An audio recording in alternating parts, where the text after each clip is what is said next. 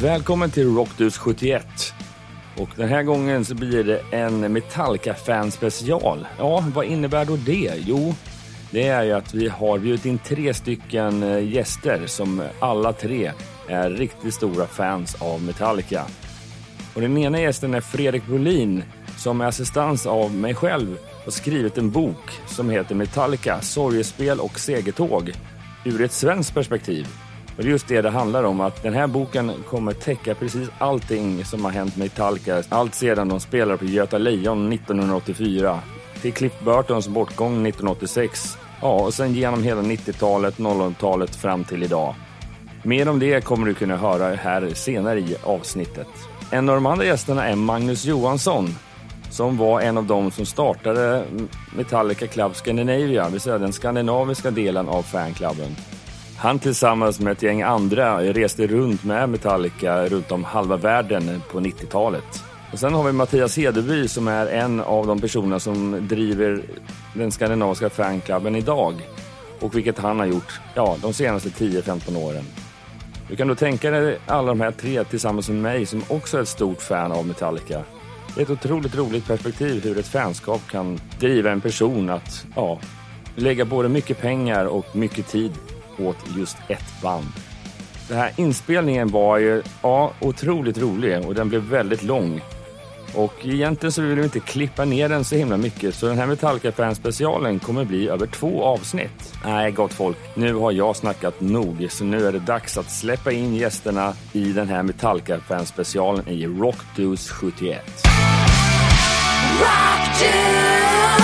Allas koppling här är Metallica, inklusive Jonas, men jag är lite utanför. Ja, den, jag vet inte vad du har för anknytning. Vad har du för anknytning till Metallica? Eller har du någon Ingen alls? alls, förutom att du släpper med mig på spelningar och jippon och vi ska kolla på det ena och det andra. Men annars är det så att de flesta av min bekantskap har ju Metallica som husgudar. Och Maiden, för den delen. Ja, precis. De är ganska lätt att räkna, de här gamla banden som fortfarande hänger i och har den där statusen någonstans. Så Metallica är en av dem, helt klart. Eh, Men om vi börjar en liten, eh, vad säger man, round the table. Fredrik, vad är ditt första minne av Metallica? Mitt första minne är eh, mina bandkamrater. Jag spelade i band i, i mitten av 80-talet och slut, i slutet av 80-talet. De rekommenderade mig att höra på Keeper of the... Nej, Walls of Jericho, Halloween och Ride Lightning, eh, Master of eh, med Metallica. Eh, det här var i september 86. Då hade Master of Puppets kommit ut, men det var inte den jag lyssnade på först. Och ehm, intro till Fight Fire with Fire med det lugna partiet och sen kom disten och eh, jag blev såld direkt. Och du är fortfarande kvar där? Ja, kärlek i första ögonkastet. Ehm, Magnus, samma fråga. Eh, det var väl 1983.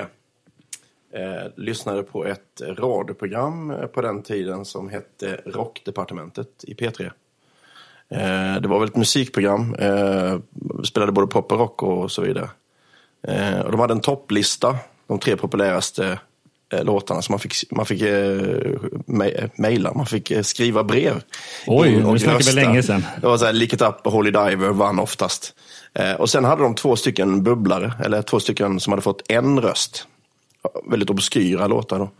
Eh, och eh, just den torsdagen då, eh, där det här hände, så var det då Metal Militia som de spelade. Och jag ja, tappade hakan. Och sen så övertalade jag morsan och köra mig in till stan två dagar senare och köpa Kill 'Em All. Eh, och ja, helt golvad. Precis. Hade, du, hade du hittat dem annars tror du? Vet inte. Eh, Då var jag så inne i Maiden och Priest och Accept och alla de här klassiska. Liksom. Så att, eh, men det var liksom att man delade de banden med klasskompisarna. Liksom. Det var några Maiden-fans och några Priest. Men där hittade jag liksom mitt. Jag var först med Metallica. Och jag var länge, ja, de andra höll kvar vid sina. Och de upptäckte nya saker. Men Metallica var mitt liksom. Jag tror det var en bidra- bidragande orsak. Du då Mattias? Ja, jag var ju uppenbarligen rätt sen då. Jag hade en kompis i, i när vi ja, gick i nian som hade svarta skivan på CD hemma. Och som förmodligen många andra, första låten var Enter Sandman. Och det var, ja, det var någonting helt nytt, hårt. Vad lyssnar du på mer än eh, Metallica just då? Nej, det var väl mycket, vad ska man säga, populärmusik som fanns då. Mm. Och Kiss och sådär var ju, men jag vet inte om det var så jättemycket musiken, utan det var väl mer hela deras approach. Mm. Och sen så, men när Metallica, jag hörde den, då var det liksom, precis som ja, Fredrik sa, jag var helt, det var det, var det färdigt liksom. Precis. Och så, Det var gifta sig och sen så ja, sen har döden skiljer det, oss åt. Ja nästan så. Jag har ju inte släppt sen dess, så har ju svårt att tro att det kommer att släppa. Ömer, du har ju ingen relation, men vad... Jo, har, jo. har du, Jag såg på Voxpop. ja, men bra, då har du en story. Nej, men jag är lite yngre än hela medelåldersgänget, så jag kom in rätt sent. Men jag vill ändå tillägga att Svarta skivan är nog öppningsbåten. Det var den lite mer catchiga plattan som jag verkligen snöade in mig på. Bästa låtarna Ja. på katalogen, tycker jag. Ja, för mig var det nog... Eh, introt på One var det nog hemma hos en kompis. Hälsade på, jag kommer ju från Småland, men jag hälsade på här uppe i Stockholm hos en polare och hans storebrorsa som var fem sex år äldre, han, han hade nog... Ja, han hade det, ja, de fyra första plattorna. Men det var en Justice for All som han spelade just då, så det var första minnet. Och det var också samma sak. Vilket är ju i efterhand en betydligt svårare platta att lyssna in sig på tyckte jag i alla fall. Den var framförallt Ride the Lightning och eh, Master of Puppets. Men sen givetvis Svarta Plattan var väl det som också någonstans blev det definitiva för mig när det gäller Metallica. Men eh, om vi ska fortsätta lite och vi kommer ju prata mycket om eh, detta band. Eh, men jag tänkte generellt sett fanskap har vi ju nu någonstans eh, börjat beskriva här. Eh, kärlek vid första ögonkastet. Eh, vad betyder fanskap för er? Hur gestaltades fanskapet hos er? så att säga? När började ni kanske bli lite mer nördiga och följa ja, Metallica eller eventuellt andra band? Passion framför allt. Alltså, att du, eller besatthet. Att man inte kan tänka på någonting annat än tills man kommer hem eh, och kan lyssna på det. Eller förr, förr i tiden man hade freestyle, när batterierna började dö och man fan fick panik innan man kom till en affär och kunde köpa sådana här freestyle-batterier. Man det, Exakt. Det var, det var fan helt glömt bort det där. Men att den paniken som eh, uppstod då när man hade två timmar kvar på bussen eller, på, eller till närmsta affär. Eh, det skulle jag definiera lite eh, vad ett fanskap är på så sätt. Magnus?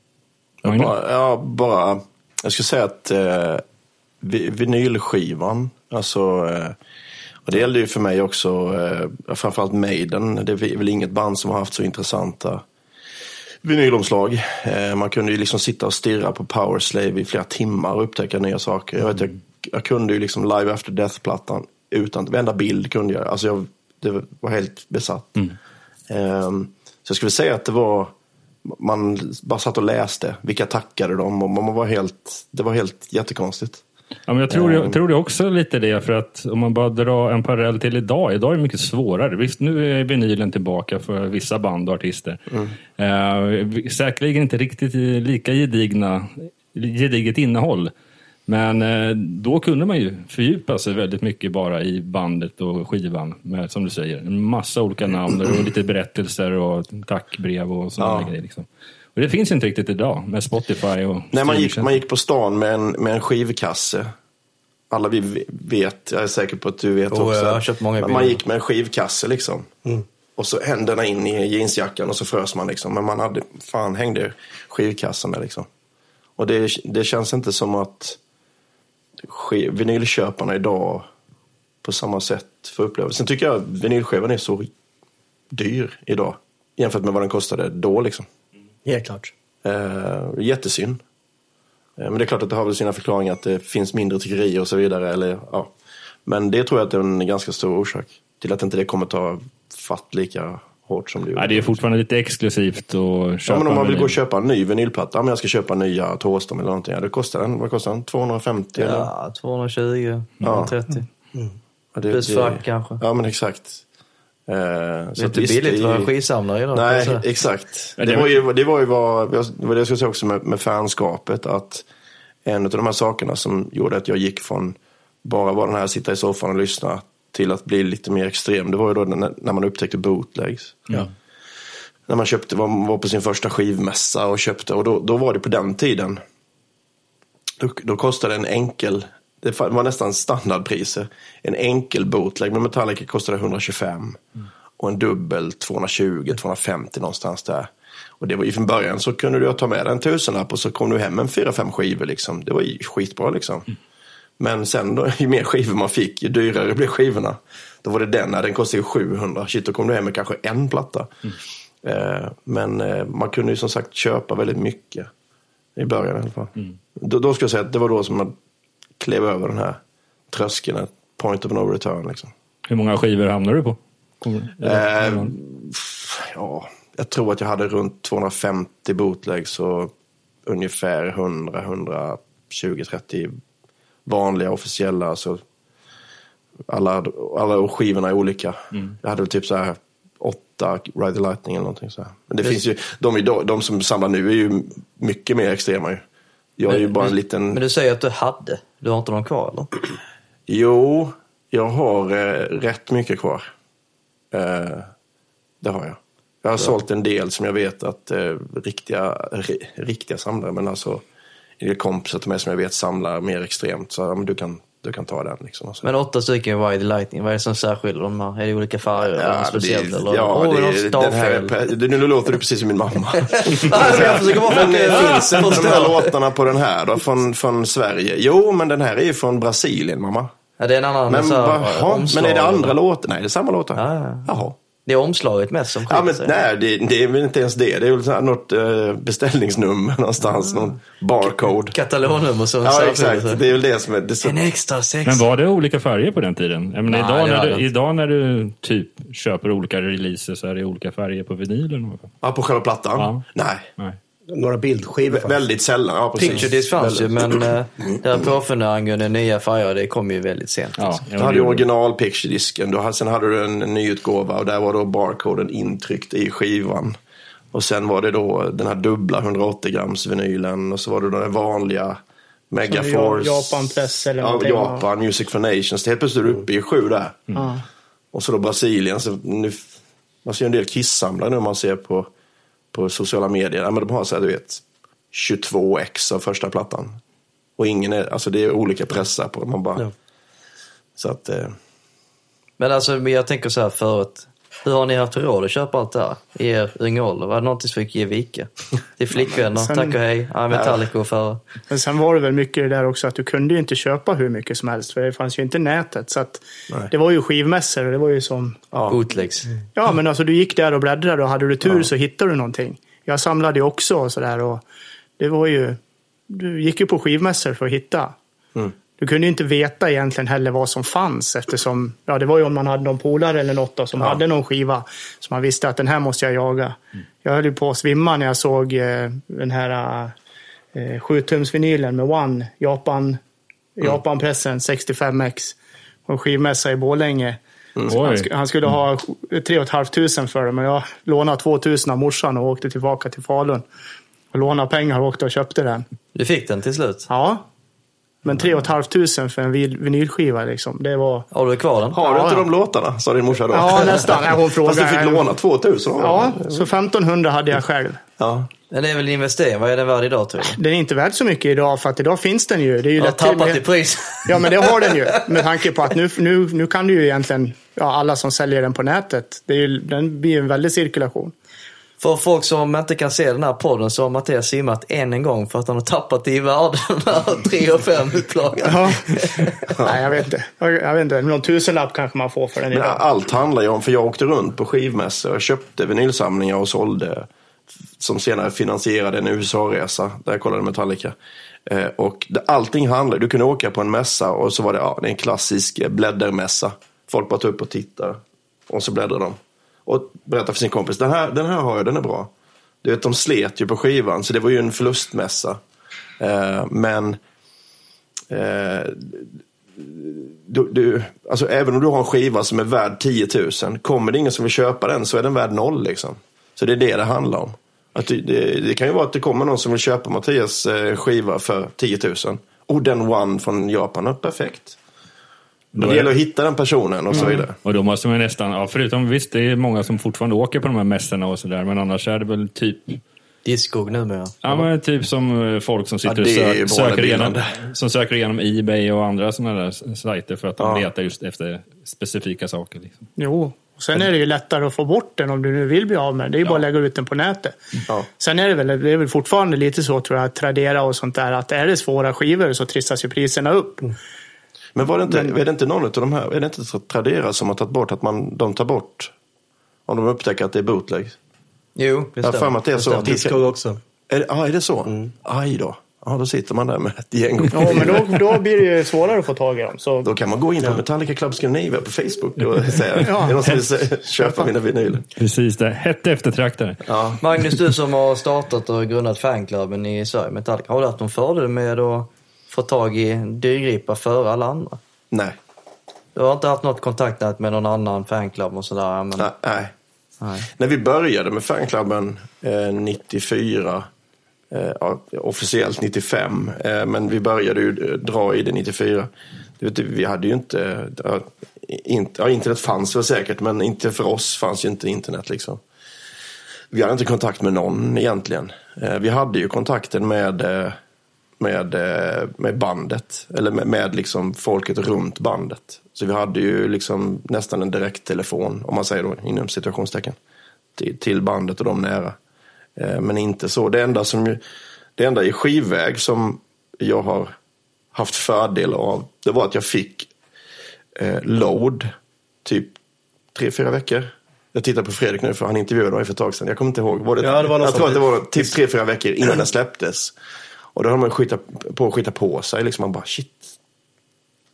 Kolla vad jag har. liksom, sådär. Men ingenting att jag, eh, inte, inte genom Metallica liksom. Men man har ju såklart genom att man åker runt på skivmässor så har man ju, har ju, har man ju lärt känna människor. Eh, så på det sättet har jag ju kunnat få tag på skivor. Men inte genom liksom Metallica connection. Liksom. Mattias, jag ställer samma fråga till dig, för du är ju den som har axlat rollen vidare från eh, tagit över fanclub. Mm. nej, inte skivsamlarmässigt eller. I och för sig så var det ju det hela började ju med att när ja, Metallica Club Scandinavia startade och de hade en försäljningsdel i klubben så kunde man ju köpa skivor från dem då, via, alltså via pappersform eller vad man ska säga. Man ringde in och sa att den här vill jag ha. Och där köpte jag ju en hel del skivor. Jag kommer inte ihåg vilka, men jag köpte ju väldigt många från klubben då. Och det var väl förmodligen någon då som hade samlat på skivmässor och inte ville ha, men jag ville ha dem. För jag hade dem inte, så på så vis så fick jag väl lite, lite lättare kanske att få tag i lite svårare skivor. Var det både bootlegs och eh, Ja, pressar? o- ja, olika pressar. Sen hade jag träffat en kille, jag kommer inte ihåg hur, men kille från Örebro som var en jätte, jättesamlare. Han hade väl världens största Metallica-samling tror jag. Det är många som har utger sig Ja, för att men ha han det. var väl... eh, Han var väl hur kan man kolla upp det då? Måste Nej, men en- alltså- Jag tror inte man kan det. Ja, han, jag tror han hade ganska stor i varje fall då. Och eh, jag köpte väldigt mycket grejer av honom. Mycket svåra. Eh, Jag köpte några guldskivor och någon vårdskiva. Load hade han. Och, han hade mycket, mycket speciella grejer. Han hade väl också någon kran in mot bandet tror jag. För jag har ju originalvisitkortet från Metallica där, 83. Som han hade väl några stycken av. Men Die Hard samlare, jag förstått att ni är, sedan den tiden. Då har jag en liten nyfikenhetsfråga. Vad är den dyraste dyrgripen inom Metallica som man kan äga? Är det Som man kan äga? Som man kan äga. Är det, är det en testpress eller är det en guldskiva eller, eller vad är det? Ja, men det finns nog några testpresser. Jag, alltså jag, jag har tappat... Jag hade järnkoll för 15 år sedan. Men, Men det är väl fortfarande så? Är det inte? Jag vet att han eh, som jag handlade av i Örebro där, han hade ju nog, om jag tror att det var A-sidan, tryckplåten till eh, Ride the Lightning tror jag han hade. Eh, Vad, vad innebär det då? ja, det är ju själva plåten de tryckte vinylen mot. Aha. Som bara finns i ett ex? Ja, Hur fan har man kommit eh, få ta på den då? Måste vara via...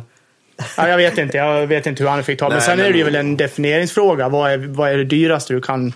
Jag menar om du har en guldskiva hemma som är liksom till James Hetfield. Den kanske är värd mycket. Ja.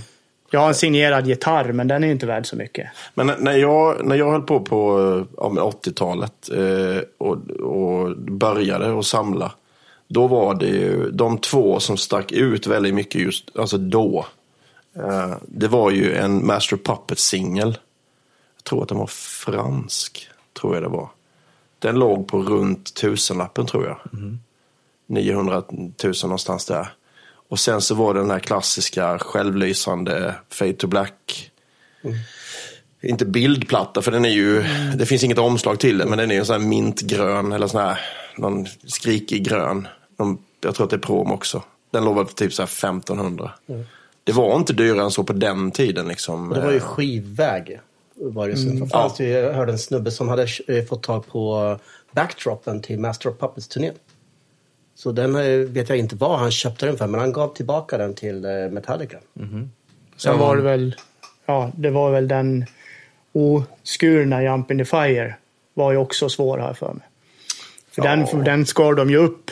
Det är en bildskiva Ja, det på Jump in the Fire-monstret och den skar de väl upp nästan allihopa för att få bort, liksom, så att den vart smidigare. Och den fast hel utan att den är utskuren. Men för Tror jag. öron, eh. Ja, och sen in liksom lite runt så här. Den finns ju lätt att få tag i så, men just den oskurna. För det, fanns ju, det var inte så många som blev så. Utan de skar ju sönder alla liksom, för att det var ju så den skulle vara. Så den har jag för Den har ju jag, så det är ju Ja, du har det är kul alltså. att höra. Ja, men, ja. Jag har inte upplevt den som jätte, jättesvår. Ja, jag är bara vad jag har hört. Schysst, Jag vet inte. Tack. Den vill nog Mattias köpa kan jag tänka mig. Nej, men jag, jag, efter. den är lite, så här, Jag lite, ångest, lite ångestladdad. För jag stod och valde mellan den och Japansingeln, liksom. One. Jag Ja, hade då den tror, andra jag- då också. tror så- jag att du gjorde det bästa. Men vad kostade den andra då? Nej, Jag tror att den låg på samma pris, men vad jag har förstått Va? efteråt så, så okej. var, den, var den svårare. Jag, okej. jag vet inte. Jag kan boka den här dealen, ta mina 10 procent. Mm, exakt. Absolut. Tack och hej. Nej, men just inom fanskapet, samla, det känns, nu pratar vi ganska mycket om eh, skivor och så här, och, och plåtar. Men jag tänker så här typ, i studion, den här micken som spelar in den här skivan med svartvit. Det måste ju ändå vara värt ännu mer pengar om man tänker efter så här inspelnings... För... Ja, abs- Absolut, men eh, frågan är... Alltså, jag är inte helt insatt i just den, här, just den typen av insnöade eh, gadgets-grejerna som man kan köpa. Liksom. Man snackar mest skivor och, och, och den typen av grejer. Men det finns ju säkert. James Hetfield satt på den här pallen när han spelade Enter the Sandman och, den är värt jättemycket pengar. Ja, men det är ju bara att kolla på, som man har sett i vissa dokumentärer och sånt där, som Kirk och hans alla jäkla gitarrer. Liksom. Eh, som, och han säljer och köper gitarrer på Ebay. Jag sa det, det, det var tur att man samlade på 80 och lite 90-talet och inte nu. För nu känns det som att Det finns det går att mycket. köpa... Ja, men nu kan du köpa allt. Ja men liksom. exakt, du kan köpa... Det, det, det, ja, det är väl bara Kiss som är värre men, men eh, det är ju helt galet egentligen. Om man skulle, och jag kommer ihåg eh, ungef, när jag började tappa lite sugen. Eh, det var när eh, en stund in i mitt samlande så, så kom första CD-bootläggen. Och då kom det ju, det var ju som någon pesten i Europa på 1300-talet. Det var helt, nu får ni faktakolla så att det var 1300-talet, men, men alltså det var helt galet. Det gick inte, om du inte var med från exakta början och hade skitmycket pengar så var du lost liksom. Men vinyler kom det inte så mycket. För då var ju liksom CD, det är det nya liksom sådär. Så det var avsmaken, du slutade samla för att Ja, det, man, man man blev ifrånsprungen liksom. Det fanns ingen som eh, hade råd att hänga med Det liksom. vart en överdos av allting. Ja, exakt. Ja. Jag tänker mig att man kunde impa på tjejerna på den tiden. Man hade en jättefin samling. Det var lite grann som när jag startade och hade en skitfin 2000 CDs kollektion av black metal döds. Då var jag liksom verkligen inne på party i Helsingborg. Hur, var det för er? Var det andra hållet eller? Jag kan få en kille. jag hade ju mängden olika band. Ni snöade inne på en jävla grupp. Det var liksom, Ja. okej det är ju det här hon gillar. Ja, men det, det är ju också hela grejen med eh, nörderi by default är ju för män, till män. Det är inte jätteofta med, du har kvinnor med i det typen av sällskap. Det finns ju, men de är inte lika många i varje fall. Nej. Vad är anledningen för, till er då? Är det för att det är en väldigt sluten mansdominerad grupp? Eller? Ja, Jag vet inte om det har så mycket med mansdominering att göra, men kollar man på mitt eh, day-to-day-jobb inom IT-branschen, så eh, alltså, där finns det fullkomligt eh, översvämmande av nördar, såklart, inom IT. Det har ju alltid varit. Datanördar. Eh, någonstans så tror jag, rent, vad säger man, genetiskt i mäns huvuden, så finns det en hjärndel som kanske är lite annorlunda Eh, såklart att det finns nördiga tjejer också, men jag tror att det är mycket större chans att bli nörd som man. Och det är väl att man är enkelspårig. Det finns säkert någon som kan härleda det till att männen samlade i stenålder. De Ja, men då samlade, ändå- hamstrade. Jo, men det är ganska kul. Man sitter och tar upp det där förr Mm. då framförallt det här lite inledande av feministdebatten. Liksom, att, ja, men männen var ute och jagade och bla bla bla. Men tittar man på stenåldern, nej, det var kvinnorna som var ute och jagade Mm. och samlade in allting. Och männen satt mest och pillade sig i naveln. Redan då. Vilket vi fortfarande gör idag. Och titta på våra skivor. Ja. Ja, precis. Vi behöver inte ens... Förut så fick ni ändå åka runt massor för att hitta de här skivorna. Idag kan du sitta framför en dator och köpa en skiva från Ouagadougou i Afrika. Liksom, om- Jävligt tråkigt. Ja, men man, sk- man skapade sig en, eh, en, eh, en relation med de här olika skivhandlarna. Ja men tjena, du, visst var det du som gillade W.A.S.P? Ja, Jag har en grej här till dig. Alltså det var, det var som någon slags... Eh, Drog. ja, men det det, är ja, push-up. så någon, någon, att man kom hem till påsk och påsklunch. Alltså, man, liksom, man träffades på mässorna liksom. Ja, precis. Och, Och så kollar man i oh, har du köpt den? Ja, men fan vad coolt. Men det var väl lite lätt att hitta likasinnade också. Alltså, Ja. Vi pratade tidigare om liksom, vad, vad är fanskapet och så. Jag menar, för mig betyder ju väldigt mycket av vännerna det. Att du har blivit så dedikerad ett band så att du går så hårt in i det. Och i och med det också får träffa väldigt mycket kompisar. Och du får liksom en tillhörighet. Mm. Att samlar du skivor, ja då har du en tillhörighet. Nu var det ju, det tror jag gäller med allting. Men att du, du får vara med liksom. Du blir igenkänd, du får vara med i gruppen, identitet, eh, hela den biten. Belöning är här då. Du kommer bli igenkänd efter det här avsnittet. garanterat. Nej. Det är du, Rocktooth! Jävla dåre. Det är en duktig icebreaker är det ju. Jag kommer ihåg på 80-talet när man köpte, kom i kontakt i de gula tidningen. De sålde eh, bootlegs och sånt. Man eh, pratade med någon, då hette det rikssamtal. Eh, kostade exakt. som fan. Och, Då ska man eh, ringa efter klockan 18. Ja, Då men var det precis, halva priset. Precis, och då så kunde man sitta och snacka med någon uppe i, i Boden eller något sånt där. Eh, och prata hur länge som helst om en bootleg. Mm. Och, eh, eller pirater kallar vi det då. eh, Innan man började använda ordet bootlegs egentligen. Och ehm, det var ju, alltså bootlegs på den delen var ju inte bara själva konserten utan det var ju nya bilder som man aldrig hade sett förut. Mm. Ibland kunde det vara en naken brud på. Och um, We Nailed You Down till exempel. Mm. Och ehm, Assassin. Ofta var det ju, eh, eller många av de här eh, bootleggen som kom så var det, vissa, vissa var då rent på att vi kränger ut den här, tar någon bild från någon jävla Mad Max-film och bara så. Men ofta, det, andra gånger så var det faktiskt fans som de, de letar tag på coola bilder liksom. Plåtar deras fruar omslag på metall. Men det är ofta liksom livebilder och så vidare. Ska ha den här boten från Boden? Jag har bruden på omslaget. Whitey Lighting.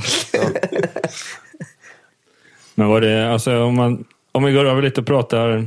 Man kan ju vara nörd på att se mycket konserter med ett och samma band eller överhuvudtaget gå mycket på konserter. Eh, om vi tar först några ord om era första Metallica-konserter. Eh, ska Fredrik börja? Ja, min första var egentligen en missad konsert. Eh, Stockholm 88 hade jag öroninflammation så den kunde jag inte gå på. Jag var skitsur. eh, men sen blev det Gentofte 91, Monsters of Rock. Eh, tredje gången de spelade Enter Sandman. Det är riktigt coolt. Vad är, har du några speciella minnen därifrån? Ja, allt. Jag skulle kunna sitta och snacka en hel dag om det. ehm, framförallt kommer jag ihåg att det var väldigt varmt och ehm, det gick rykten om i publiken om att eh, Motley Crue skulle spela också. Ja. Så man, alltså, det fanns ju inte internet och sånt, eh, så man hade ju inte samma uppdateringsförmåga då. Men eh, Queenstrike spelade i alla fall, men sen kom den danska flaggan på det vita trumsetet och då, nu jävlar kommer det. Och eh, de började, i gitarrtecken började köra lite, eh, några ackord för att kolla ljudet och sen vred de på ordentligt. Och det var väl egentligen det högsta jag någonsin hade hört på den tiden. Och då hade jag ändå sett lite inomhuskonserter, det här var ju utomhus. Så eh, det var riktigt häftigt. Och så var ju ljudvolymen väldigt mycket högre än vad den är idag om man jämför. Ja, ja, helt klart. Det var... eh, Och sen kommer jag ihåg, eh, det var ett gäng bajamajor där uppe. Där det var lite lättklädda brudar som stod och det stod knuttar i kö hela festivalen och gick in där. Det ett starkt minne. Jag har är ett väldigt minne. starkt minne. Ska jag med ta ett Jag har minne? ett minne som jag vill dela med fastän jag är ingen stort eh, Metallica-fan. Men det var ändå ni på Globen, Death Magnetic. Den här spelningen som James Hetfield blev sjuk. Kräksjukan. Ja, ja. Jag bodde i Uppsala och åkte in hela vägen. Skulle kolla in spelningen för min polare bjöd mig för att han hade jobbat med bandet i- inom PL och någonting. Fick extra plåt, kom dit där, vänta, vänta. Och så kommer de ut och säger typ nej, spelningen är inställd. Jag fick inte ens se supporten. Jag vet att Machine skulle supporta den här spelningen. Så det blev bara att vända ut i vintern och snöa skitmycket också vill jag tillägga. Asjobbigt var det att åka tillbaka till Uppsala och inte sett någon spel eller någonting. Och sen därefter skulle man gå tillbaka och behålla biljetten. Se det igen. Som kompensation fick vi en grön t-shirt där det var um, grönfärdig spya med James Hetfield som spydde. Excel fick jag dock och jag är smart så jag hade ingen nytta av det. Men det var kul att de kompenserade med en gratis enfärgad t-shirt. Ja, Den är nog minne. samlarvärd. ja det, absolut. Du då Magnus? Eh, jag lyckades ju faktiskt se dem 88 då. Eh, men jag då som är från eh, västkusten eh, såg dem i Göteborg då, på Frölunda Borg. Eh, och det var ju magiskt. Eh, jag vet att jag handlade merch för typ tusen spänn. Var det, var det alltihopa då eller? Nej, men jag hade lång, långärmad, kortärmad, plansch, jag hade liksom en av varje typ. Liksom. Där kommer säkert bootlegs utanför oss och t-shirt, eller? Det finns ju en hel del utanför arenorna. Ja, nej, jag köpte officiellt. Eh, De hade ett officiellt stånd eh, precis. I, jag var först i kön. Jag var där typ sex timmar innan tror jag. Så. Och det roliga är faktiskt att eh, jag och en, jag och en eh, två kompis, tre kompisar var där. Eh, vi fyra stod där, så stod det två stycken bakom oss. En av dem var faktiskt Niklas Svanlund. Som senare jag eh, kom, eh, kom ihop, men det låter ju dumt. Men jag höll på massa hyss med. Vi kom på det liksom att fan, du, det var ju du och sådär. Eh, men det var det första minnet. Och det var, det var ju helt magiskt liksom. Och högt. Vad gör man i sex timmar köer då? När det är ingen internet och telefon. Står man bara och pratar Ja, ja exakt. Exakt. Aha. Det Står försöker jag säga till mina barn. Man måste lära sig att ha tråkigt. Man du- står och så bara pratar Ja, ett jättebra tillfälle att stå och dricka bärs eller någonting kan man också göra. Kunde man göra Alltså, det de som förut? gjorde det. Jag tror inte vi gjorde det. Nej, det gjorde vi inte. bootlegs. Va? Prata bootlegs. Ja, exakt. Har den här boden bootleg med hon nakna bruden? Ja, Kom ja, fan, det har jag två, två av kompisarna som var med var också samlare. Eh, Så vi stod säkert och pratade bootlegs. Jag är ganska säker på det. Men det var inget eh, köp och sälj på riktigt så att säga. Det var mest snack. Och, Ja, men vi, jag vet att en, eh, en kille, Thomas, hans, han, hans band var Motley Crue. Så han samlade Motley bootlegs. Och Martin, den andra, han, det var Priest och W.A.S.P. typ som han samlade. Liksom. Så att, ja, vi fick säkert tiden att flyta på ganska bra. Liksom. Sex timmar, det är ju två stycken Lord of the Rings-filmer. Det är mycket tid Exakt. som du hade missat. Ja. ja. Du då Mattias? Ja, jag var Globen 92. Eh, åkte ner, och hade någon kompis, hans farsa som bodde nere i Stockholm då. Så vi åkte ner, vi hade köpt, ja, fått tag i biljetter och sådär då, så åkte ner. Och så, det var ju då de hade hela den här, eh, vad ska man säga, videogrejen före. Just det, just det. direktsändning ut till jumbotronen och Tjena Stockholm. Ja, ja det, var, det var jävligt häftigt faktiskt. Sen, sen blev det Stadion 93 och sen, ja, sen Så fortsatte vidare. det. Ja. ja, jag skulle också gått på den där spelningen i 92 där, men eh, när min polare hörde av sig en vecka innan och sa att, att, han, att det blivit något knas med biljetterna, så då blev man ju riktigt lack. Men sen var ju som tur var, då var det inte lika länge mellan konserterna. Det var ju bara ett halvår däremellan. Så då, ja, man eh, behöver inte vara sned och arg allt för länge i alla fall. Vad var det som var knas med biljetter? Han tog med sin flickvän Ja, jag för vet dig, inte, jag bodde i Småland och han i Stockholm och han skulle fixa biljetterna. Så att, eh, Han ja. hittar på något. Det är Ja, något knas Har du fått reda på det Han ringde någon annan polare. Det är. Nej, jag tog bruden istället. Jag- Skit i Jonas. Jag är dock fortfarande bästa polare. Så helt snett gick det inte. Men, men sen var jag på 93 där. Han bara, fan jag har ingen biljett till min tjej, men jag löser det. Ja. Jonas, Fuck off. Sorry.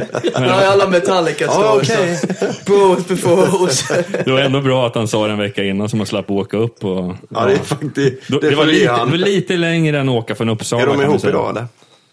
Han hade, Nej, du vet han, inte det, det, det, dröjde, det dröjde rätt länge innan han hade flickvän. Sådär. Kul om man har peppat ett helt år bara, nej du fan det blir strul med biljetten. Frågar du inte så här, vad, vad då för strul? Nej, du var... Klick. du var- Ja. Nej, jag kommer fan ihåg när det var rätt...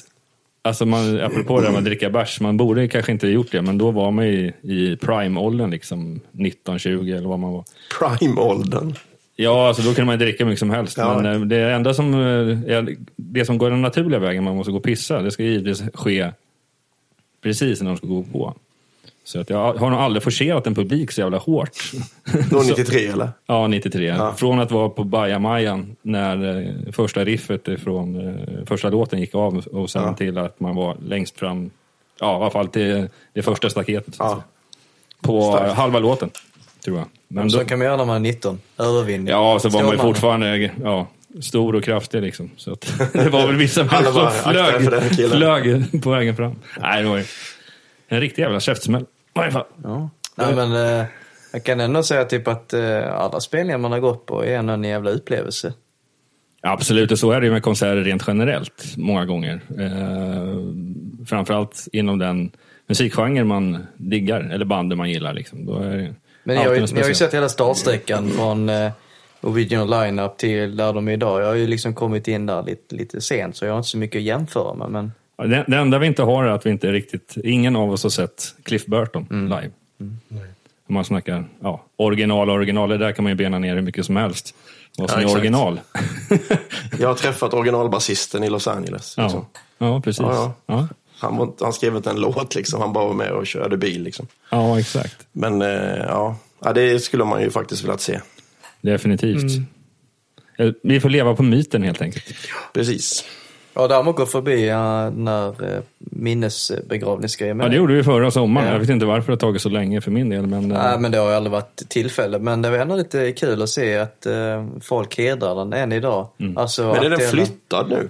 Jag Ja. tror, ja det är den den fan. ja. Okej. Varför då? Nya ägarna av Gyllene Rasten som den ligger vid ville inte ha den där helt enkelt. Så de Okej. flyttade ner den till ett annat ställe och eh, som tydligen vart, blev mycket bättre. Ja, det är ju typ som en, det blir som en rastplats Ja. nästintill. Liksom. Ja, okej. Så det är, du har ju den där smala vägen och sen så är det en ytterligare, ännu smalare väg. Det ser ju ut som att det är en rastplats utan att det är Men när flyttar de den?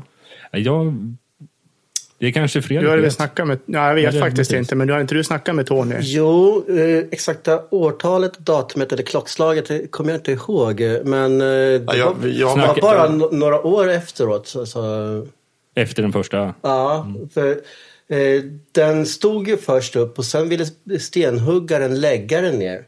Eh, för att den skulle ta, eh, den låg ner först menar jag. Sen gick stenhuggaren och ställde den upp. Men då ville inte ägaren ha den för det såg ut som en gravsten. Och, eh, så den låg där ner igen och sen flyttade den när de bytte ägare. Så, men när, när jag var och, eh, och kollade på den, eh, då låg det väl typ, det var någon byggnad jämte och så någon sjö typ. Men det var väl, Och de som det var första väl Gyllene. Rasten. Okej, ja. Den har de väl stängt ner nu också. Okej. För vi hade ju någon fest där nere och det var någon coverband från Tyskland som var där och Just det. spelade. Och... Okej. Det var väl flera gånger va? Nej. Både 86, 87, eller 2006 och 2007 och sen någonting lite senare också. Jag hedrar med en sup i alla fall. Jonas körde bilen så att eh, jag fick axla den rollen. Nej, för fan. Jag, stä- jag du hopp, hoppade ur bilen och vi knäckte en bärs tillsammans. Ja, så det gjorde så vi fick, det. jag- fick Vem en fan körde bilen? Ja, men det var, Det var innan det var olagligt att dricka och köra bil. det var Rick, Cliff, skål! en av de andra som var med i den här bilen, Rickard heter han. Vi behöver inte nämna några namn nu. Nej, ingen namn nämnda. Nej, han heter Rickard. Det finns en, en miljon Rickard. Det är en annan story. Metallica eh, Reload. Eh, om vi börjar snacka lite om eh, studioalbumen. Eh, vad, eh, ja, det är den klassiska frågan är väl mer hur, alltså, är det 80-tal, 90-tal eller eh, senare som, som gäller? De flesta vill ju ha 80-talet som grunden liksom. Men hur, hur har ni följt Metallicas utveckling? För det har de ändå gjort. Um, vad säger du Fredrik? Ja, alltså 80-talet är ju speciellt för mig åtminstone i och med att man började eh, hooka upp på dem då. Sen eh, under 90-talet så eh, vart det lite kontroverser i och med att de klippte håret och lite sånt där. Och det, det, brydde jag mig inte speciellt mycket om för jag tyckte jag bodde i Schweiz då och eh, kommer ihåg jag köpte skivorna. Jag tyckte de var skitbra. Jag menar, Ain't My Bitch till exempel på eh, de här skivorna är ju jättebra. Eh, Så det fanns guldkorn där också. Eh, Och um, Men jag håller ändå 80-talet som eh, det jag hade störst passion för, eh, skivorna som kom. Klippte de håret? Ja, till Load och Reload. Så Alltså, rök håret och satt på sig läderbyxor och Sminkade de sminkade sig. Kiss-variant? De hade en liten identitetskris. Ja, det.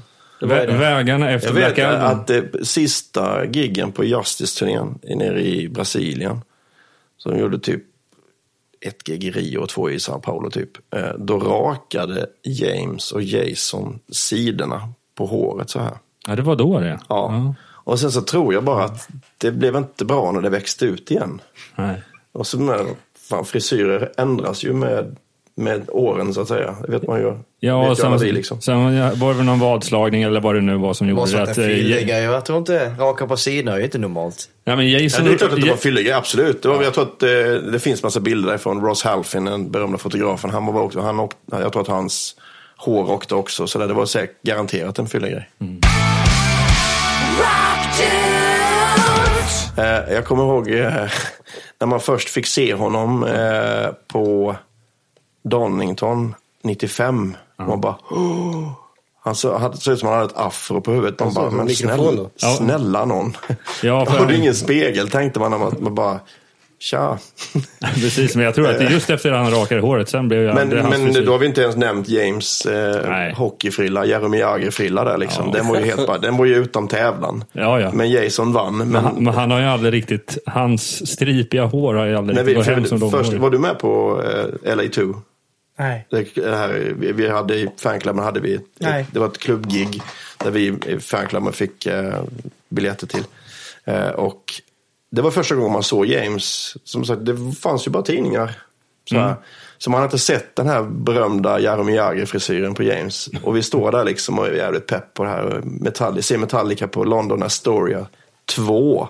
Det är det typ, jag vet inte, 700-800 Ja. kapacitet liksom. Det är som, som på Gino eller så, man bara, fuck det här blir häftigt. Så kommer James ut bara med vet, militär cargo brallor halvt till knäna så här bara cool stil och så bara tittar man och bara vad fan hur ser karln ut i håret liksom. vad i, men så försöker man ändå bara nej men fan Metallica at heart liksom men bara nej fan. Det var det redneck-versionen av han själv som kom fram på riktigt. ja det var lite så här bara, men vänta nu här har du tittat dig i spegeln liksom. Nej, Jag jag sitter och tänker bara att om du var eh, så här upprörd över någon, jag tänker alla andra grejer de har gjort därefter. Jag menar den där Lou Reed-skivan, det kan ju inte varit en jävla hit till exempel. Det är ju flest returhantering på den där skivan någonsin i metalliska så här. Det måste sen- vara en av dem i, i världen utav alla Jag band tror det. någonsin. Ja, jag har ett stories. Alla köpte den ju, men sen skickade de tillbaka den. Fan vad dålig, skicka tillbaka mögen. Och sen därefter toppade den med att släppa en biofilm som gick helt floppade.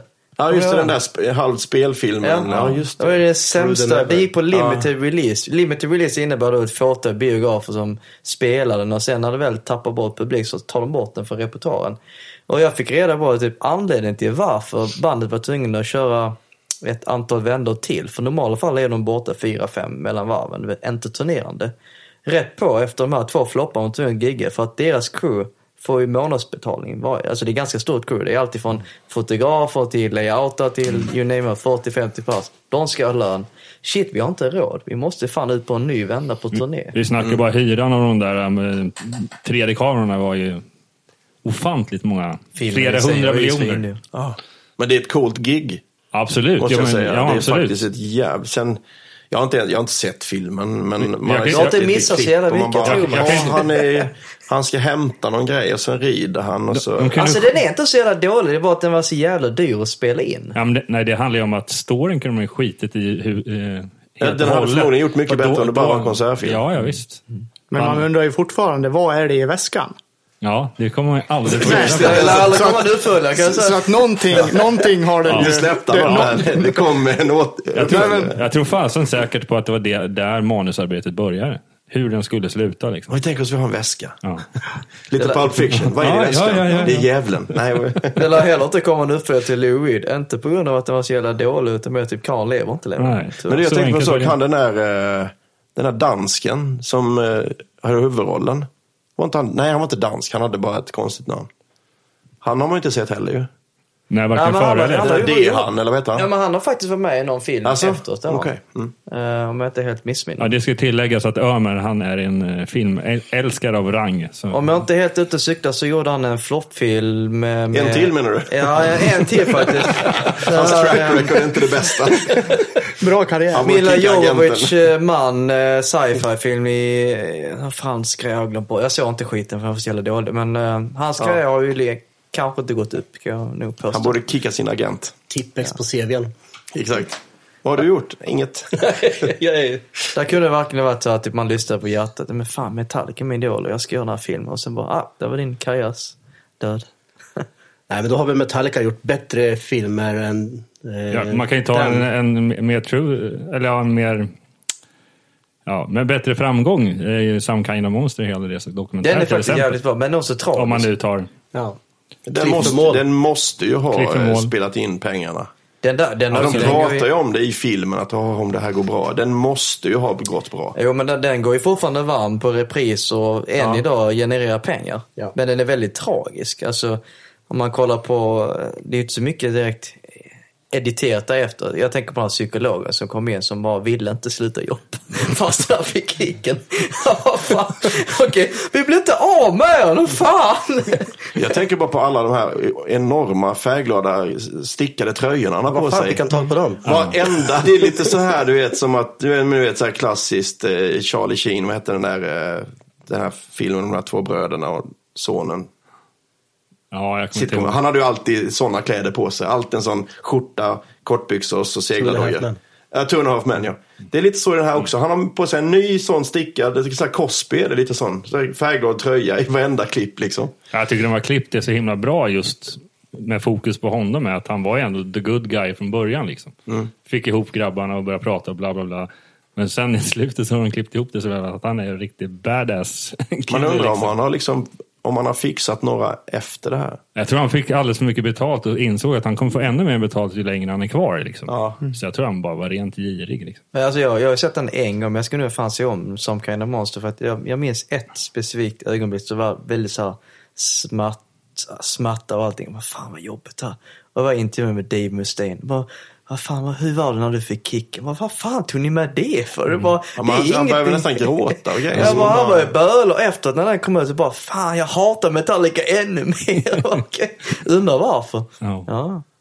Det man är lite konstigt att James inte är med på den intervjun också. För jag tror att det är efter att han... Eh, Var nerklädd. efter Var det han inte under tillbaka. tiden? Var- Jag är inte säker på det. Men det kan vara så. Det, det Ja. kommer säkert Rehab klicka till massa på Rockdudes eh, Facebook här. Ja, Fan fel. Det haglar skit. Den där Magnus, alltså, Ja, han så- kan man inte lita på. Jävla snack. Har han haft fanclub? Hur fan gick det till? Jag ska hålla mig till min fanclub. Det är lite mer...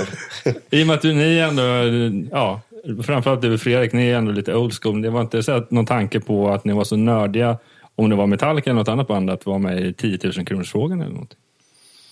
Det var det en- fanns ju förut. Ja. ja, vi, vi, både du och jag kommer ihåg Salma Oja där när hon Ja, var med. Och man, satt och man kunde ju varenda fråga. Ja. Men, men det, är som, en- det är väl som när man sitter och spelar massa sådana här frågesporter hemma. Man kan det hemma, men när man kommer dit så... Nej, då är det tv-kameror och allt annat. Liksom. Ja, men precis. Eh, Blackout. nej, jag har inte tänkt om sånt. Och på den tiden var det live till och med. Ja, jag skulle nog kunna ha gjort det där på Dortmundfestivalen. Okej. Den har jag sett tusentals gånger. Ja. Och, Vår eh, generations Woodstock. Ja, exakt. Ja, det där är så jävla bra. Ehm, och, men eh, inte på den nivån som eh, de körde på 10 000 kronors, kronors frågan. Nej. Det- Nej, det var speciellt. Eh, nej, jag har ingenting att tillägga där. Nej, men jag tänkte vi har någon mer fråga. Alltså jag har jättemånga frågor för att jag kommer ju utifrån och ser lite grann här, eh, vilket är fantastiskt för att jag får lära mig jättemycket om bandet. Och jag sitter här med tre personer som, som faktiskt har träffat bandet. Jag har inte gjort det. Och eh, Fredrik har skrivit en bok och han har heller inte träffat dem. Nej. Eh, Så att eh, jag vill bara veta lite grann typ er första eh, träff med bandet, om än den första gången. Om vi Ma- börjar Ma- med- Magnus får ju börja med Magnus. ganska lång utläggning, för jag har ju träffat dem en gång. Okej, ja, jag har träffat dem väldigt många gånger. Eh, min första gång var faktiskt eh, backstage i Basel i Schweiz. Känner du till det Fredrik? Basel? eh, de, det var på den här turnén som Fredrik pratade om innan där Motley Crue kanske skulle vara med. De var med på vissa gig på den turnén. Eh, Vi var så dem på eh, Sankt Jakob fotbollsstadion eh, i Basel. Och det var jag och Niklas då och en kompis som heter Jonas. Vi, vi hoppade in och grävde oss under backstage varenda spelning. Och vi hade typ så här trasiga kläder och till slut så tyckte väl Metallica att kom igen, vi sätter upp på gästlistan istället. Liksom. Eh, men det giget hade vi smitit in eh, och vi smög bland några, två lastbilar. Och så helt plötsligt så står James och Lars där liksom. Och vi bara, "Åh", och går fram och bara säger tja, tja. Så här liksom, och bara berättar, ja vi har åkt från Sverige och vi ska åka runt hela turnén och se er och så här. Och, och då fick man en, en liten bara kort snackis bara liksom. Jag, tror det var, jag, jag är ganska övertygad om att det var mest Niklas som pratade. Jag stod mest bara, vad fan och så här. hände? Det, De, de var inte otrevliga med tanke på att ni smög inte all, igen. nej, de och så. tyckte, vad, vad, vad, de tyckte bara det var coolt. Vi får tänka på att de hade precis, det här var kanske två veckor, tre veckor efter att de hade släppt svarta plattan. De var inte så stora då. Nej, nej. De var under, underground-stora var de absolut. Men det Ja, de inte kanske inga vakter och sådana livvakter. Nej, nej, nej, nej. nej, nej. Det var väl snarare så för att kanske ACDCs eh, folk hade väl kastat ut oss. De tyckte bara det var. Sen något gig senare då, då, eh, då bara knatar vi in. Jag har lärt mig det genom åren att om du om det ser ut som att du ska någonstans, som att du har en uppgift, så, så är det ingen som stoppar dig. Om du går med sånt självförtroende bara, Men vad var din grej? Vad skulle du göra? Om du skulle bli frågad, vad skulle du svara då? ingen aning. Jag hade förmodligen bara uh, skjutit på mig. Ja, det- Men, eh, Sprungit tillbaka. Jag bara, Ja, Ja, Jag har hand om deras wifi. Jaha, åh fan. Men eh, något gig senare så var det i eh, Hannover och då, eh, då spelade de på, på, eh, mot långsidan på en stor arena. Eh, och så var ju backstage på den andra långsidan så att säga. Och efter ett tag där så då, vi, då satt James där och jag och Niklas gick fram till honom liksom och, bara, och han bara, ja men tjena, liksom sådär. Coolt och så fick vi en varsin öl och, och sen helt plötsligt så kom Tommy Lee, för då, det, det giget var Motley med och jag bara, här sitter man liksom och snackar med James Hetfield och Tommy Lee sitter jämte. Ja, och så- var det sist, de sista låtarna på ACDC-giget så vi satt precis bakom och de, det var helt surrealistiskt liksom. Minns du samtalsämnena? Nej, det var återigen, skulle jag tippa på att det var Nicke som pratade och jag satt bredvid bara. och- Fan, du måste vara med stummaste fanen. Har så- suttit och Ja. åt någonting. Och, uh, nästa gig, eh, det, det sista giget innan vi åkte hem då, eh, då, då jag vet, kommer ihåg det väl, det var faktiskt Vince Neils sista gig med Motley Crue den gången. Eh, I Mainz eh, på en eh, sån här amerikansk flygbas i den, Tyskland. den gången vill jag tillägga. Då, ja exakt. Eh, då så, eh, då, då träffade vi då träffade vi James tror jag. Då stod vi och pratade med honom och, och eh, under ACDC-giget. Och då bara, men kom med här liksom. Så då vart vi, fick vi komma in i deras loge. Det var ett tält liksom, så det var inget fancy så. Och sen så bara, men, och då hade vi, vi hade med lite olika bootlegs och vi hade med någon tröja som Lars aldrig hade sett och då fick han den av mig för att jag visste vad jag kunde få tag på mer då. Och då tyckte han, fan vad coolt. Och då fick jag ett signerat turnéprogram, där Thanks Magnus och sådär liksom. Och jag var ju helt till mig liksom. Och sen så hakade jag och Nicke på James och Kirk till cateringen. Så satt vi där.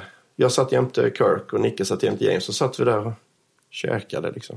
Du fick käka Eller vi, vi drack och de åt sådär liksom. Ja. Då, då blev det så här typ en tio minuters bara liksom, ja, vad, fan, hur har det varit nu det här? Alltså bara lite casual snack liksom. Det, du det kommer jag alltid på. ha med mig liksom. Du satt och tittade på mig när de käkade sin lunch. Nej, Kirk åt någon jävla soppa. Du har, sett kortet va? När, när, de, när James han ska ta ett eh, kort. Jag, jag, ger, jag ger kameran till James. Ah, kan du ta ett kort med Kirk? Ja visst, sa han. Så höll han upp och så gjorde han så här. Så det är ett stort fuckfinger över hela bilden. Och så är det jag och Kirk. Liksom, så här. Det är också så här man tar med sig. Liksom, så. Men de, då, då, det var det jag skulle säga, att de var otroligt down to earth. Alltså. Riktigt, alltså det var så... Det är därför det gör lite ont när man hör nu liksom hur... Hur diviga de är. Lite blas, blasé liksom och sådär. Sen är det fortfarande så, eh, allt vad som går via hörsägen Absolut. är ju så också. De kan ju fortfarande vara, om du skulle få tillfälle att Absolut. sitta på samma sätt, Ja. vara Oh, ja. förmodligen lika. Det är de stunderna man liksom så här. Men hur, hur var det för er då? Ja, för mig var det på ett meet and greet, så det var väl lika högtidligt som det är för de flesta. Det enda som var, jag har ingenting att jämföra med, men det kändes ändå lite speciellt just 2007. Där. För det första så var det här meet and greetet utdraget och jäkligt långt. Eh, och först Var någonstans? på Stockholms stadion. Ah, okej. Och eh, det var ju mer att först kom ju Rob och sen Kirk. Och de gick väl igenom, men de, gick inte, de hastade inte. Hade folk frågor så stod de kvar och, svarade på dem snällt och tydligt. Men de är ganska lågmälda som personer. Eh, och sen kom eh, James och han var också väldigt sådär. Vi var väl ändå 15, kanske 20 pers. Och stannade väldigt mycket och frågade. Så att kom, det enda är att man kommer aldrig ihåg riktigt vad, vad man pratar om riktigt på det sättet. Men däremot sen var det en lång väntan. Så då kom James tillbaka. För att de väntade på att Lars skulle komma, men han hade typ blivit avsläppt ifrån flyget på vägen in till Stockholm för att ta en löprunda in till Stockholms stadion. Så han kom in helt nyduschad och en halvtimme senare än vad han skulle kommit. Så, eh, men nej, jag hade bara, det var, ja, men det är lite så som du säger, att det var den stund man hade. För att jag stod mest och snackade med Lars när han väl kom. Han På svenska eller? Eh, Lite både och faktiskt. Han, vill, han ville, han insisterade och ville, ville prata dansk. Ja, för det är lite svenska. kul. Jag har hört det live. Alltså, hans danska är ju... Alltså, jag förstår danska eftersom jag är från Helsingborg. Men jag kan tänka mig för dig är det lite jobbigt, eller? Nej, jag, just då var det inte det. För att jag har en ganska lång session när jag jobbat med mycket danskar.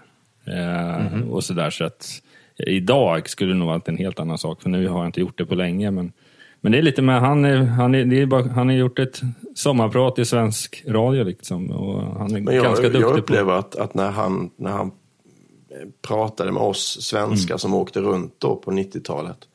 Då svenskade han till danskan liksom. Ja. Alltså, han gjorde det. Jag är Ja. sämst på danska, jag fattar ingenting. Men, men då svenskar han till det liksom. Ja, Det det, det, ja, det är just, det är just eh, faktiskt eh, ganska, ja, jag ska inte dra alla danskar utanför Köpenhamn över en kam, men just Köpenhamnsbor är väldigt duktiga på, på att försvenska sig. Men det är just för att det är så mycket svenskar där. Jag får intrycket att han tycker det är lite kul att prata sitt modersmål. Absolut, ja, men han tar väl varje tillfälle han får. Han hade en period på 90-talet. Eh, då vet jag att då fick man känna lite vilket humör han var på varje spelning. För vissa, så det var väl kanske lite... Ja, precis. Eh, och då pratade han engelska. Som att han inte... Va? Brukar vi prata danska? Alltså Mm. så. Då var det engelska som gällde. Man bara...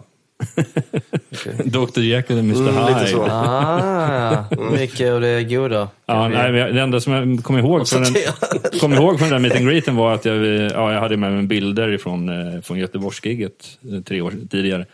Och eh, han frågade ju såklart var den där bilden kommer ifrån. Och, och jag, när jag berättade det, då började han berätta om massa dekadenta minnen han hade just från Göteborgsgigget 2004. Och, och sådär, så att, han, ha- han hade lite att berätta om det i alla fall. De andra. Var det det som var Big Four? Nej. Nej. Nej, 2011 var det. Ah, okay. jag, jag är ju helt lost nu för tiden. Du är gammal. Ja, just det. Ja. Ja, kära lyssnare. Där var del ett av den här Metallica-fanspecialen eh, slut. Det är lite av en cliffhanger och eh, del två i Rockdus 72 kommer Mattias bland annat berätta om hur han tackade nej till att eh, ta över den internationella fanklubben. Sen pratar vi lite om det här med experience-paket där man kan gå in och betala mycket pengar för att till exempel få träffa band och så vidare. Eh, det här och mycket, mycket mer kommer du alltså kunna lyssna på i Rockdus 72, vilket är del två av den här Metallica-fanspecialen. Glöm inte bort att gå in på våra sociala medier som Facebook, Instagram, Youtube och Twitter. Sök på Rockdudespodden. Gå gärna in på vår Facebook-sida och skriv en kommentar om vad du tycker om just det här avsnittet eller vad du tycker om vår podcast. Vi vill gärna att du fortsätter att inboxa oss med idéer om vilka gäster eller ämnen vi ska ha i våra framtida avsnitt av Rockdudes. Jingeln är inspelad av Jonas Hermansson, Peter Månsson och Mia Coolheart. Programmet är inspelat och redigerat av Jonas Löv. Jag vill tacka just dig för att du har lyssnat på Rockdudes 71. Nästa avsnitt är alltså Rockdudes 72, vilket är del två av den här Metallica fanspecialen. Det får du absolut inte missa, eller hur? Fram tills dess, rock on! Rock dudes!